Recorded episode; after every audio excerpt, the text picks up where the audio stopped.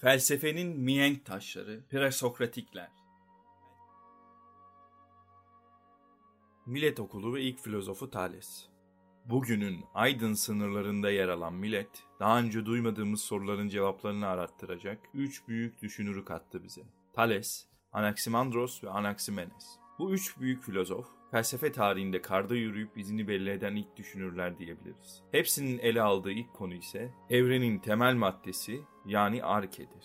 Bu problemi bilindiği kadarıyla ilk ortaya atan kişi de Thales. Peki kimdir Thales? Onun hakkında bildiklerimizi Herodot'tan ve felsefe biyografi yazarı Diogenes Laertius'tan geniş kapsamlı ünlü filozofların yaşamları ve öğretileri adlı kitabından ediniyoruz. Mısır'a olan ziyaretleri neticesinde pratik geometriyle tanışmış, doğanın yine doğadan hareketle açıklanması gerektiğini savunmuştur. Doğasının temeline her şeyin başlangıcı olarak betimlediği suyu yerleştirmiştir. Su ile başlamış olduğu varlık temellendirmesine ruh kavramını da eklemiş ve her şey ruhla doludur. Ruh varlığın devindirici gücüdür demiş bir eserinde. Suyun kendisi için değişmez, tüm var olanlar sudan meydana gelir ve yok olduklarında yine suya dönüşür. Görüşünü ise bir tık daha öteye taşıyıp evrenin de suyun üzerinde durduğu yönünde savunduğunu Aristoteles'in metafiziğinden öğreniyoruz.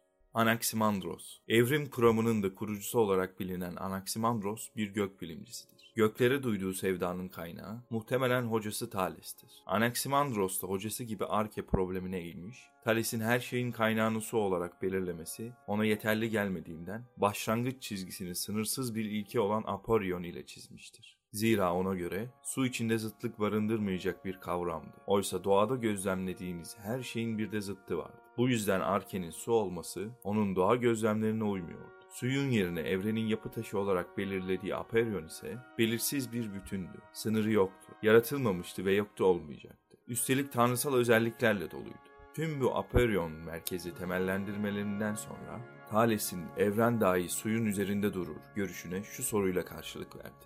Evren suyun üzerinde duruyor ise su neyin üzerinde duruyor? Yetersiz gördüğü bu evren biçimi görüşü yerine o, evreni bir silindire benzetti. Silindirik bir yapıda olan evrende, dünya kozmozda merkezi bir konuma sahip ve hiçbir şeyin üzerinde durmuyordu. Yaşadığı dönemi düşündüğümüzde kulağa o kadar da absürt gelmediğini tahmin ettiğimiz bu fikri Kopernik'in modern astronomiyi kurduğu güne kadar büyük kabul görmüştür.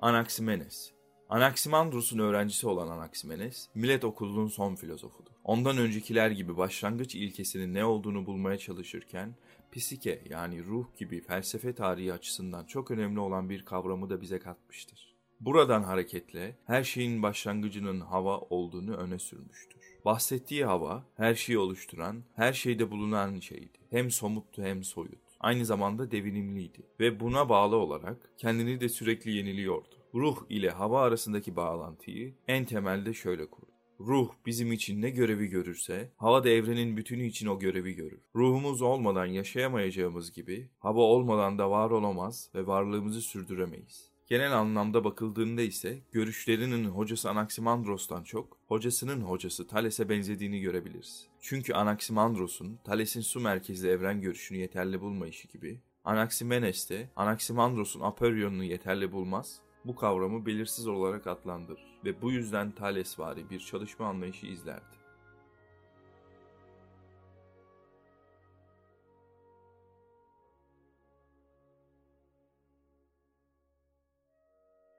Değerli podcast dinleyicilerimiz, bu podcast uzun olduğundan iki parçaya böldük. Devamını kanalımızdan dinleyebilirsiniz. Devam